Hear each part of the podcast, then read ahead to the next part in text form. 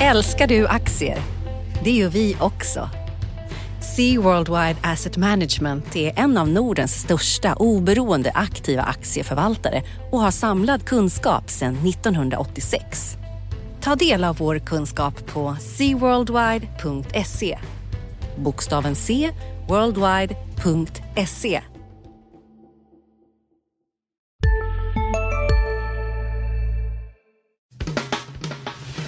Analyspodden från Dagens Industri. Hej och varmt välkommen till Dagens Industris analyspodd. En podd om de stora frågorna om börsen och konjunkturen och lite annat smått och gott. Henrik Mittelman heter jag och i en studio i Stockholm sitter Agneta Jönsson, eller hur? Ja, det stämmer bra det Henrik.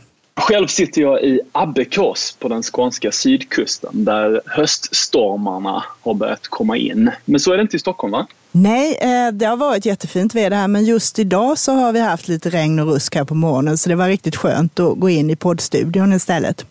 Ah, vad bra. Och idag ska vi prata om börsen, om konjunkturen, lite Brexit och så gå in på lite olika företag som vi har analyserat. Vi kunde inleda lite med att fundera, lite funderingar kring börsen generellt. Vad har du för syn på den? Precis, Agneta? nu har vi ju haft en stark rapportperiod här. Eh, förra veckan var ju väldigt stark utveckling och veckan innan också. Denna veckan har det varit lite mer avslaget. Storbolagsindex är upp 0,7 ungefär, men det känns lite bättre efter rapportperioden. Som sagt var, bra rapporter överlag. Det känns som att banksektorn är på väg tillbaka nu, vilket eftersom de väger en stor en del i index också har en positiv påverkan. Så att, lite tillförsikt inför hösten här faktiskt. Fortfarande, även ifall bankaktierna har kommit upp, så är det fortfarande ganska hög direktavkastning. Precis, och sen kan man ju se här nu förhoppningsvis så får vi se att räntorna blir mer normaliserade. Sen tror jag att man också har tagit kanske ut lite för mycket på det här med avmattningen på bostadssektorn under våren här. Så att jag tror att det finns utsikter. Det kommer inte vara några jätterusningar, men att du kan kunna få en hygglig avkastning, särskilt om du lägger till direktavkastningen. Du, jag kommer ihåg att du skrev för några veckor sedan om även om de här lite mindre bankerna, nischbankerna, eh, som du hade en ganska positiv inställning till. Precis, eh, då skrev jag om eh, Collector och eh, Resursbank och TF Bank och gemensam nämnare med dem är ju att det är väldigt mycket konsumentlån. Och där ser vi ju fortfarande en tillväxt på 6 procent överlag i marknaden och de här, just de här bankerna växer ut tvåsiffrigt så att eh, det ser fortfarande intressant ut. Men hur, eh, vad händer med dem om bostadsmarknaden inte kraschar, men ifall den går riktigt illa? Jo, det är klart, eh, det kommer ju till en gräns. Jag menar, de gör ju kreditbedömningar också, att folk måste ju kunna betala sina lån, annars eh, så blir det inga lån helt enkelt. Så att, men just nu tror jag det har lite tvärtom, att det är positivt för dem, för att i och med att Många banker har stramat åt vad det gäller utlåningen med bostäder som säkerhet. Du vet alla de här nya kraven och det. Så blir det mm. mer att man tar eh, vanliga konsumtionslån, blankolån istället om man vill byta bil eller om man ska åka på semester och sånt där. Och den trenden tror jag kan hålla i sig lite till. Men är det bra att låna till semestern? Det är ju en annan sak, men nu tittar vi på bolagen och aktiernas utveckling så att säga. Men att eh, jag skulle väl kanske inte låna för att åka till semester, men det är ju en annan femma så att säga. Okay. Du har skrivit lite i veckan om Hoist. Precis. Det är ingen nischbank direkt, men det är ett bolag som verkar på kreditmarknaden i den mening att de köper upp portföljer med fordringar då, framförallt konsumentlån då från andra, där man har slutat att betala och istället då för att den de köper av ska driva in och hålla på och påminna folk själva så tar Hoist det jobbet. Och de här portföljerna får man köpa med rabatt. De har hållit på med det här i väldigt många år, som är duktiga, får in dem på ett bra pris och sen samlar de in pengarna för egen räkning och får en bra avkastning på det. Och eh, det här finansierar man då genom eh, något som heter Hoist Spar, som är inlåning framförallt då från eh, svenska sparare. Och det gör att bolaget har en förmånlig finansiering om du jämför med konkurrenter till exempel som Intrum och de här som sysslar med eh, samma grej. Sen nu håller man på att bredda sin verksamhet, att man också köper portföljer med bolån och små lån till småbolag och sånt här från bankerna. Och det vi har i Europa är egentligen en trend nu som har pågått sedan finanskrisen men nu pågår ännu mer därför att bankerna i sin tur vill få bort sådana här stockar med lån där det inte riktigt funkar med betalningar och sånt från sina balansräkningar eftersom det binder kapital från dem. Så säljs de till bolag då som Hoist som tar över det här. Och den trenden lär fortsätta, så det är ju en tillväxtgenerator för dem. Du säger att de, de finansierar sig genom att vi privatpersoner stoppar in pengar där. Precis. Gäller insättningsgaranti och sånt där på, ja, på de pengarna det, det gör det för de här kreditmarknadsbolagen som de kallas. Så att den här vanliga insättningsgarantin med 950 000 per person och institut gäller även för dem så att säga. Och eh, Sen har det här bolaget vuxit väldigt kraftigt. De eh, har växt omsättningen där 2014-2015 med 30-35 procent på år. Men det har kommit ner lite nu så att nu senaste året växte de 5 procent. Så att, och man har fått en ny vd, en Klaus-Anders Nysten som kommer från Lindorff som har jobbat nu sedan i mars och haft lite motvind här. Så att bolaget håller på nu, man ska spara en del, man ska se över verksamheten, digitaliseras lite mer och sådär. Så, att, eh, det är ett spännande bolag, men jag tycker att man kan ta det lite lugnt med det där just nu.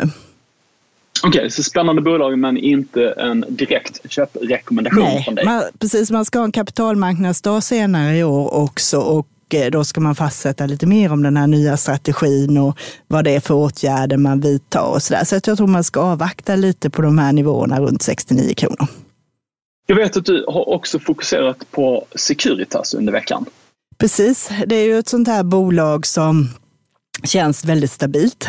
Marknaden för säkerheter växer stadigt men säkert och eh, själva marknaden... Där, där fick du till det fint.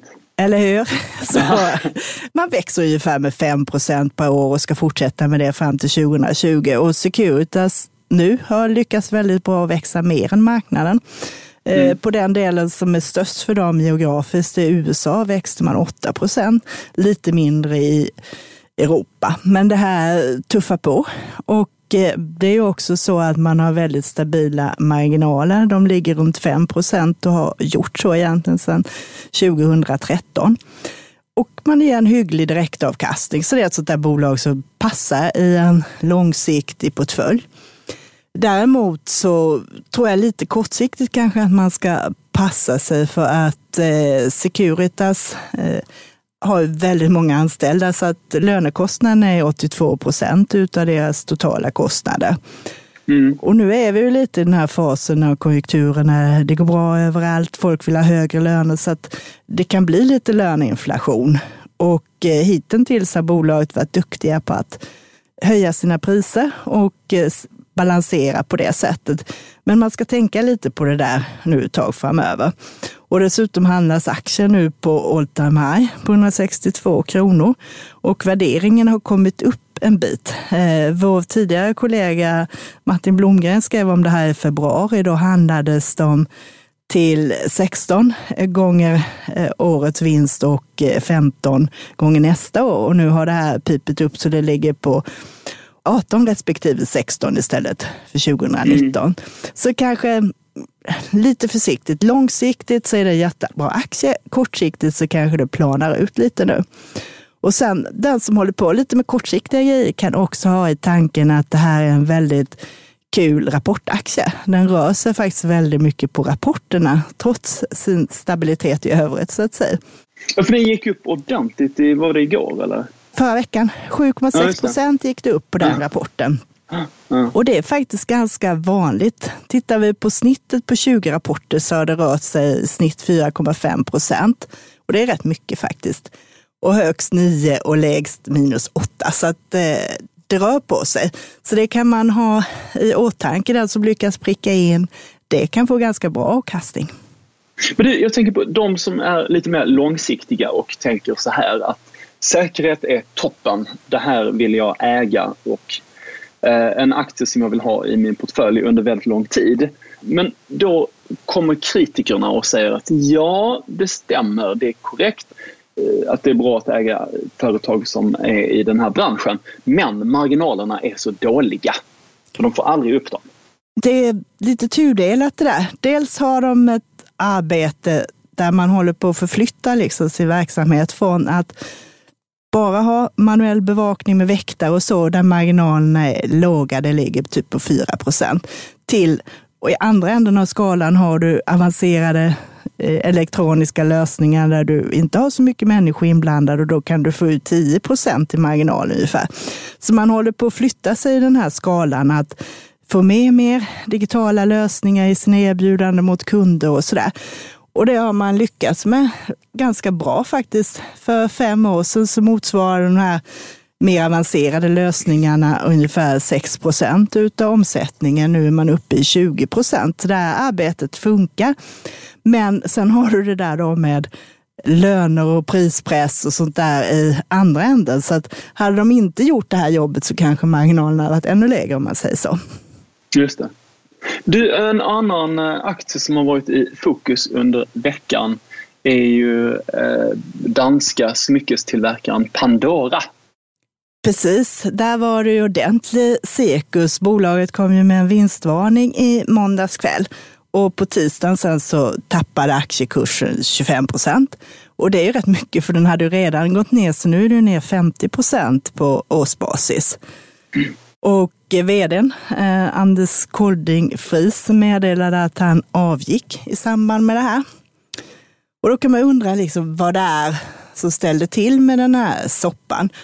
Och eh, i början av året så lämnade de själva en prognos där de sa att de, försäljningen skulle öka mellan 7 och 10 procent i år i lokala valutor. Nu upptäcker man att det här håller inte riktigt, utan istället så ska det växa mellan 4 och 7 procent. Och det är ju ganska stor skillnad om man säger så.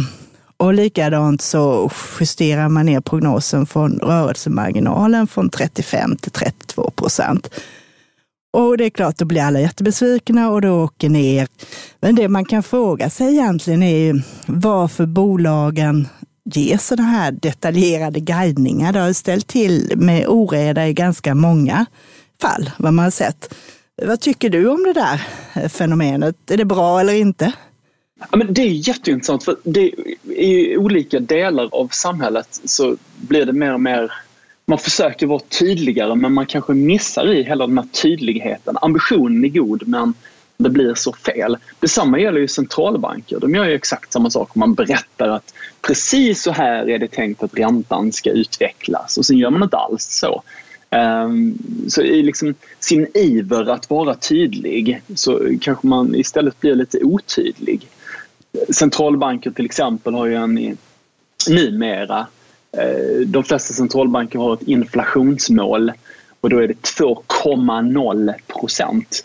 Precis. Ehm, men, men det gick ju ganska bra när till exempel Alan Greenspan var centralbankschef i USA. Och då hade man ett mål och det var uthållig tillväxt. Och sen fick man tolka det lite som man ville. Eh, och det var ganska sympatiskt. Eh, men sen så var det folk som kom på att nej men vi måste vara väldigt tydliga. Vi måste ha ett inflationsmål, 2% och sen ändrade man det från 2% till i många fall 2,0 procent trots att alla vet att det är helt omöjligt att fastställa inflation till någon sorts, eh, med en sådan exakthet. Och det måste ju vara ännu svårare, typ som Sverige som är ett litet land. Hur Ingves än gör så är det ju mycket som händer i omvärlden som påverkar oss, så att säga. Exakt. Det här är ju kloka människor såklart som sitter där i, i Riksbankens direktion. Men, men det är liksom någon sorts försök att vara pedagogisk men det misslyckas fullständigt. Eftersom det, precis som du är inne på, är, är ganska svårt. I ett litet, en liten öppen ekonomi som den svenska så kan man inte styra inflationen med en sådan exakthet. Då plötsligt så stiger oljepriset eller vad det nu kan vara. Eh, eller så blir det någon felaktig, någon, någon skörd som slår fel och då förändras prisbilden. Eh, men det, men det är intressant det här att det är någon sorts trend i hela samhället att alla ska vara så exakta.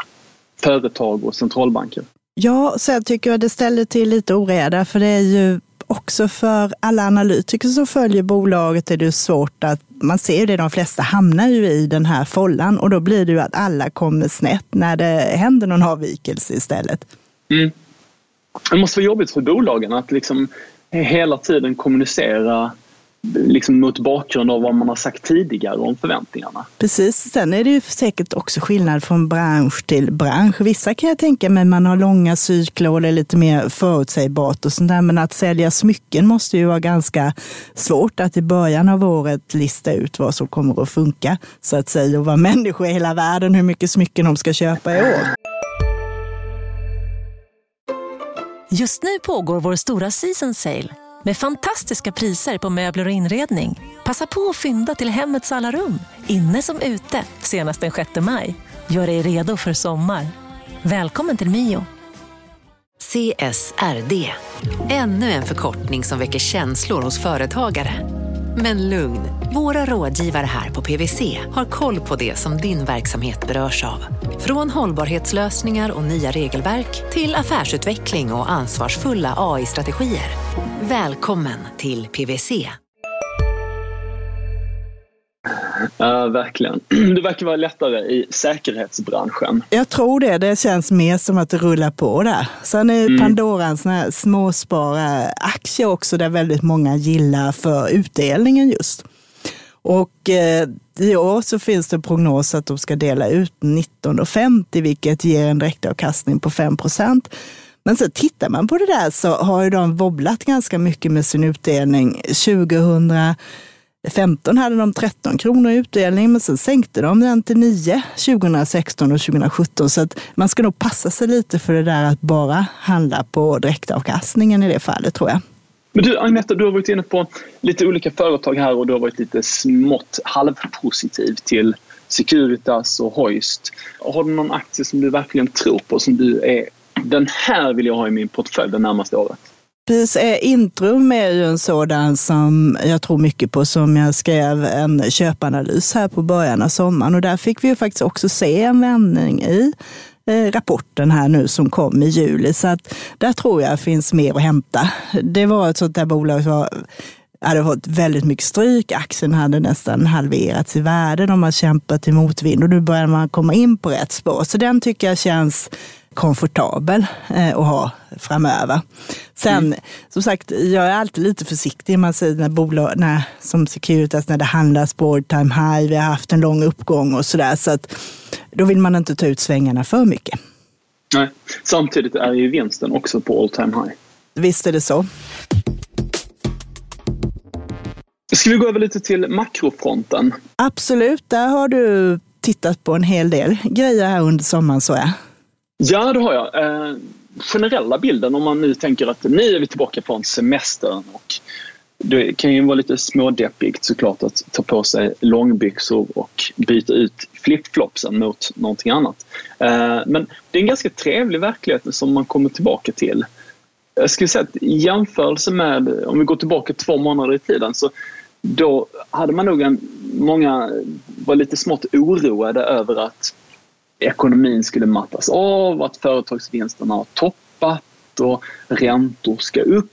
Och det kan ju inte vara den bästa av världar för börsen till exempel. Men nu så här två månader senare så kan jag säga att läget är lite bättre. Ekonomin tuffar på eh, över hela världen. Visst, ledande indikatorer i en del länder i Europa har gått ned en del men det är ingen dramatik, det är från höga nivåer. Eh, de flesta länder växer. Eh, rapporterna är bra, som du har varit inne på. Eh, och ränteutvecklingen är inte heller någonting som borde stoppa festen. Så att jag tycker det finns anledning att vara ganska optimistisk. Sen så tror jag att det finns olika... Man skulle kunna ta på sig den negativa hatten och säga att ja, men det här har ju pågått under så lång tid. Nu är ju arbetslösheten under 4 i USA och under 4% till och med i Tyskland. Nog måste väl liksom den här roliga fasen snart ta slut. Ja, det är ju korrekt att det brukar ju gå i cykler. Men i en konjunkturavmattning så brukar den, den brukar inledas med att man har överinvesterat. Att man liksom har sett framför sig en strålande framtid och att allting är, det är guld och gröna skogar och därför så har man investerat som tusan. Men det har man väl inte riktigt gjort den här gången? Va? Nej, precis så.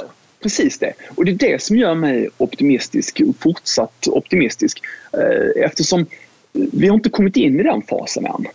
Man kan tänka sig liksom att en högkonjunktur avslutas när eh, bolagen börjar liksom bygga nya huvudkontor och eh, resa statyer över grundaren och liksom vdn ska ha någon helikopterplatta på taket och så.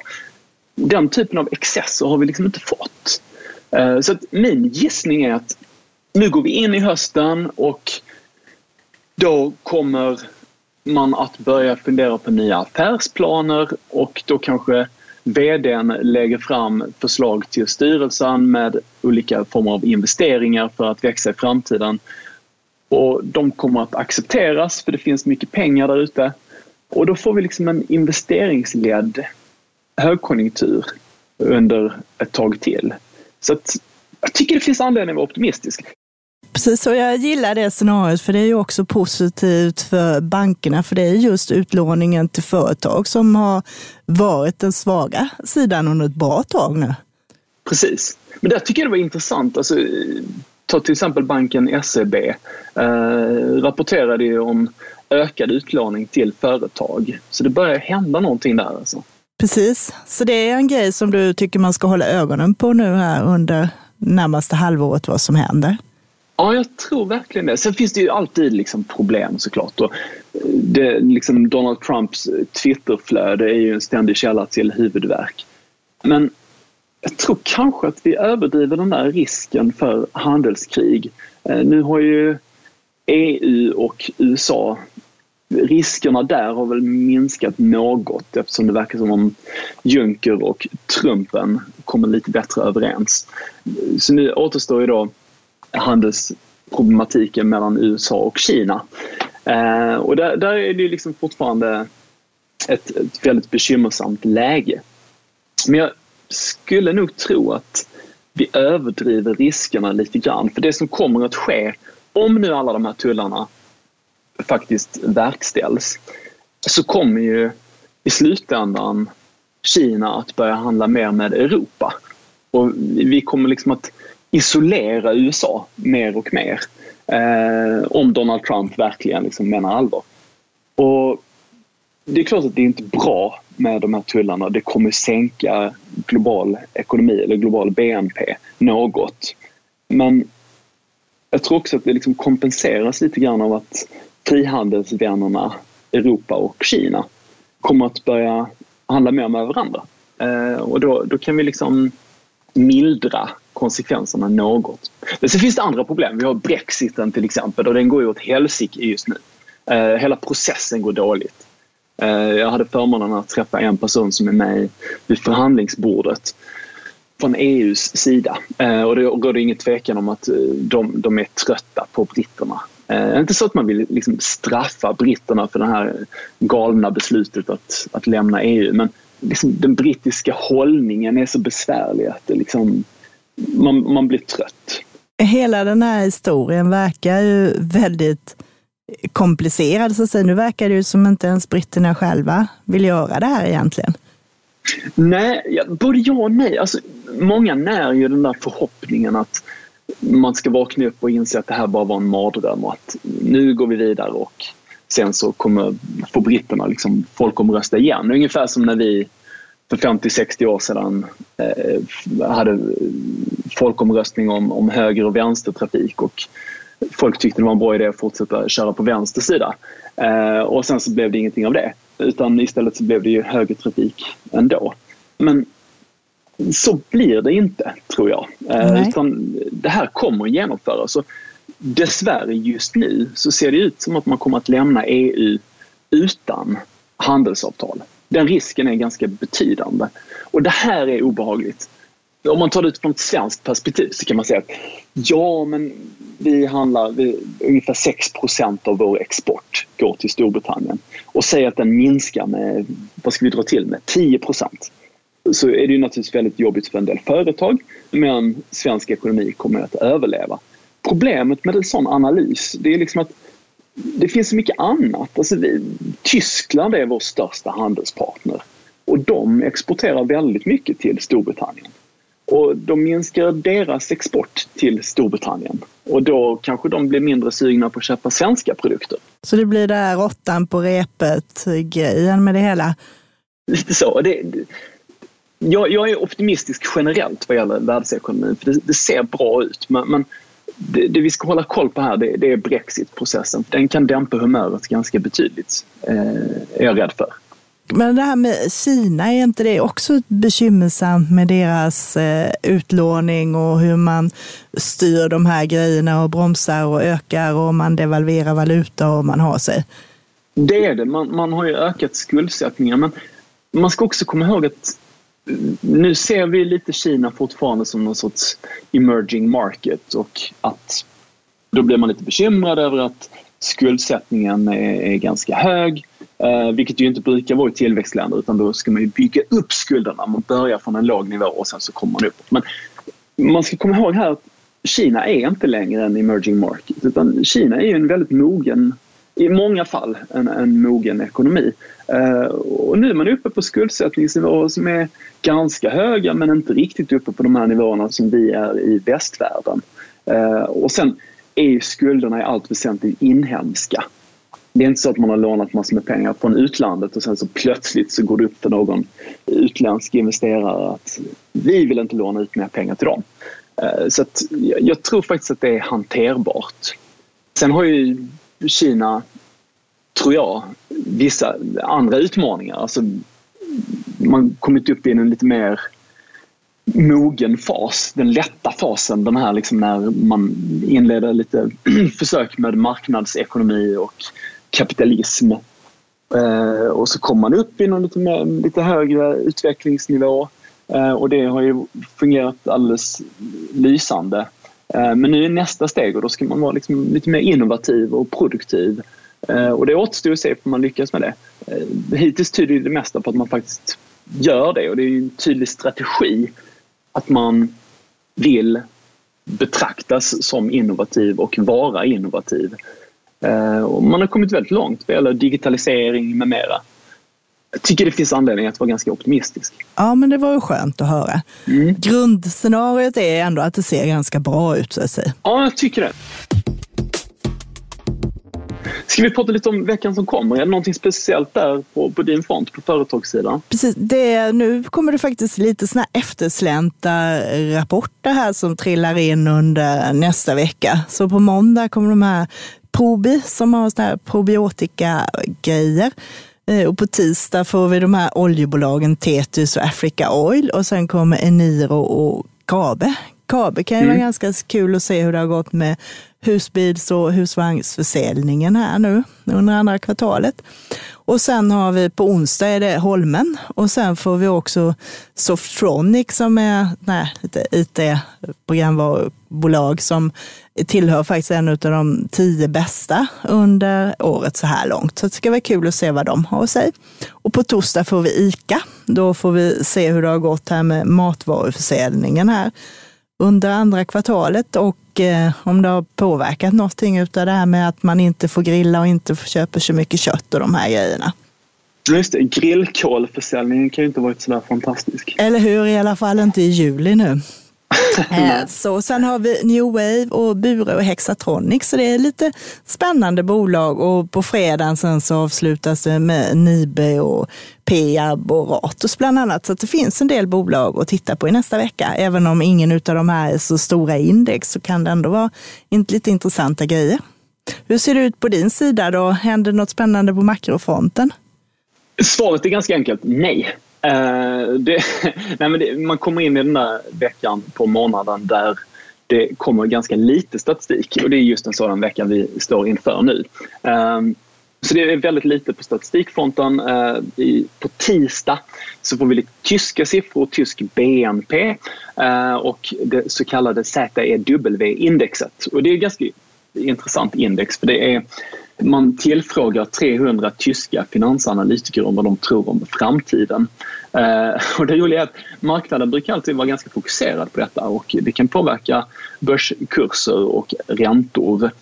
Men tittar vi till historiken så visar det sig att de här finansanalytikerna är ganska dåliga på att förutspå framtiden. Eh, de, de är nästan lite paranoida och rädda. Eh, så fort det är lite, lite besvärligt så uttrycker de extrem pessimism och när, de är lite, när det händer något positivt så blir de gladare såklart. Så det är mer liksom en indikation på eh, läget idag än om framtiden skulle jag tro. Men detta kommer på tisdag, ZW, alltså. Annars är det faktiskt inte särskilt mycket på makrofronten. Då får vi koncentrera oss på vad som händer med bolag och det finns en del utländska rapporter också som trillar in i nästa vecka. Så att vi får se vad som händer då. Det får vi göra. Och eh, tack till dig Agneta, tack till er som har lyssnat.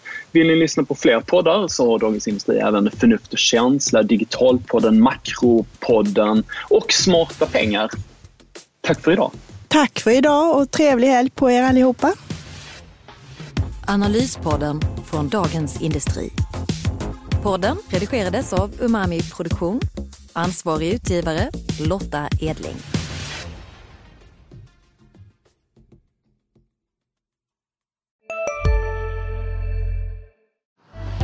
Älskar du aktier? Det gör vi också. Sea Worldwide Asset Management är en av Nordens största oberoende aktiva aktieförvaltare och har samlad kunskap sedan 1986. Ta del av vår kunskap på seaworldwide.se. Bokstaven C, worldwide.se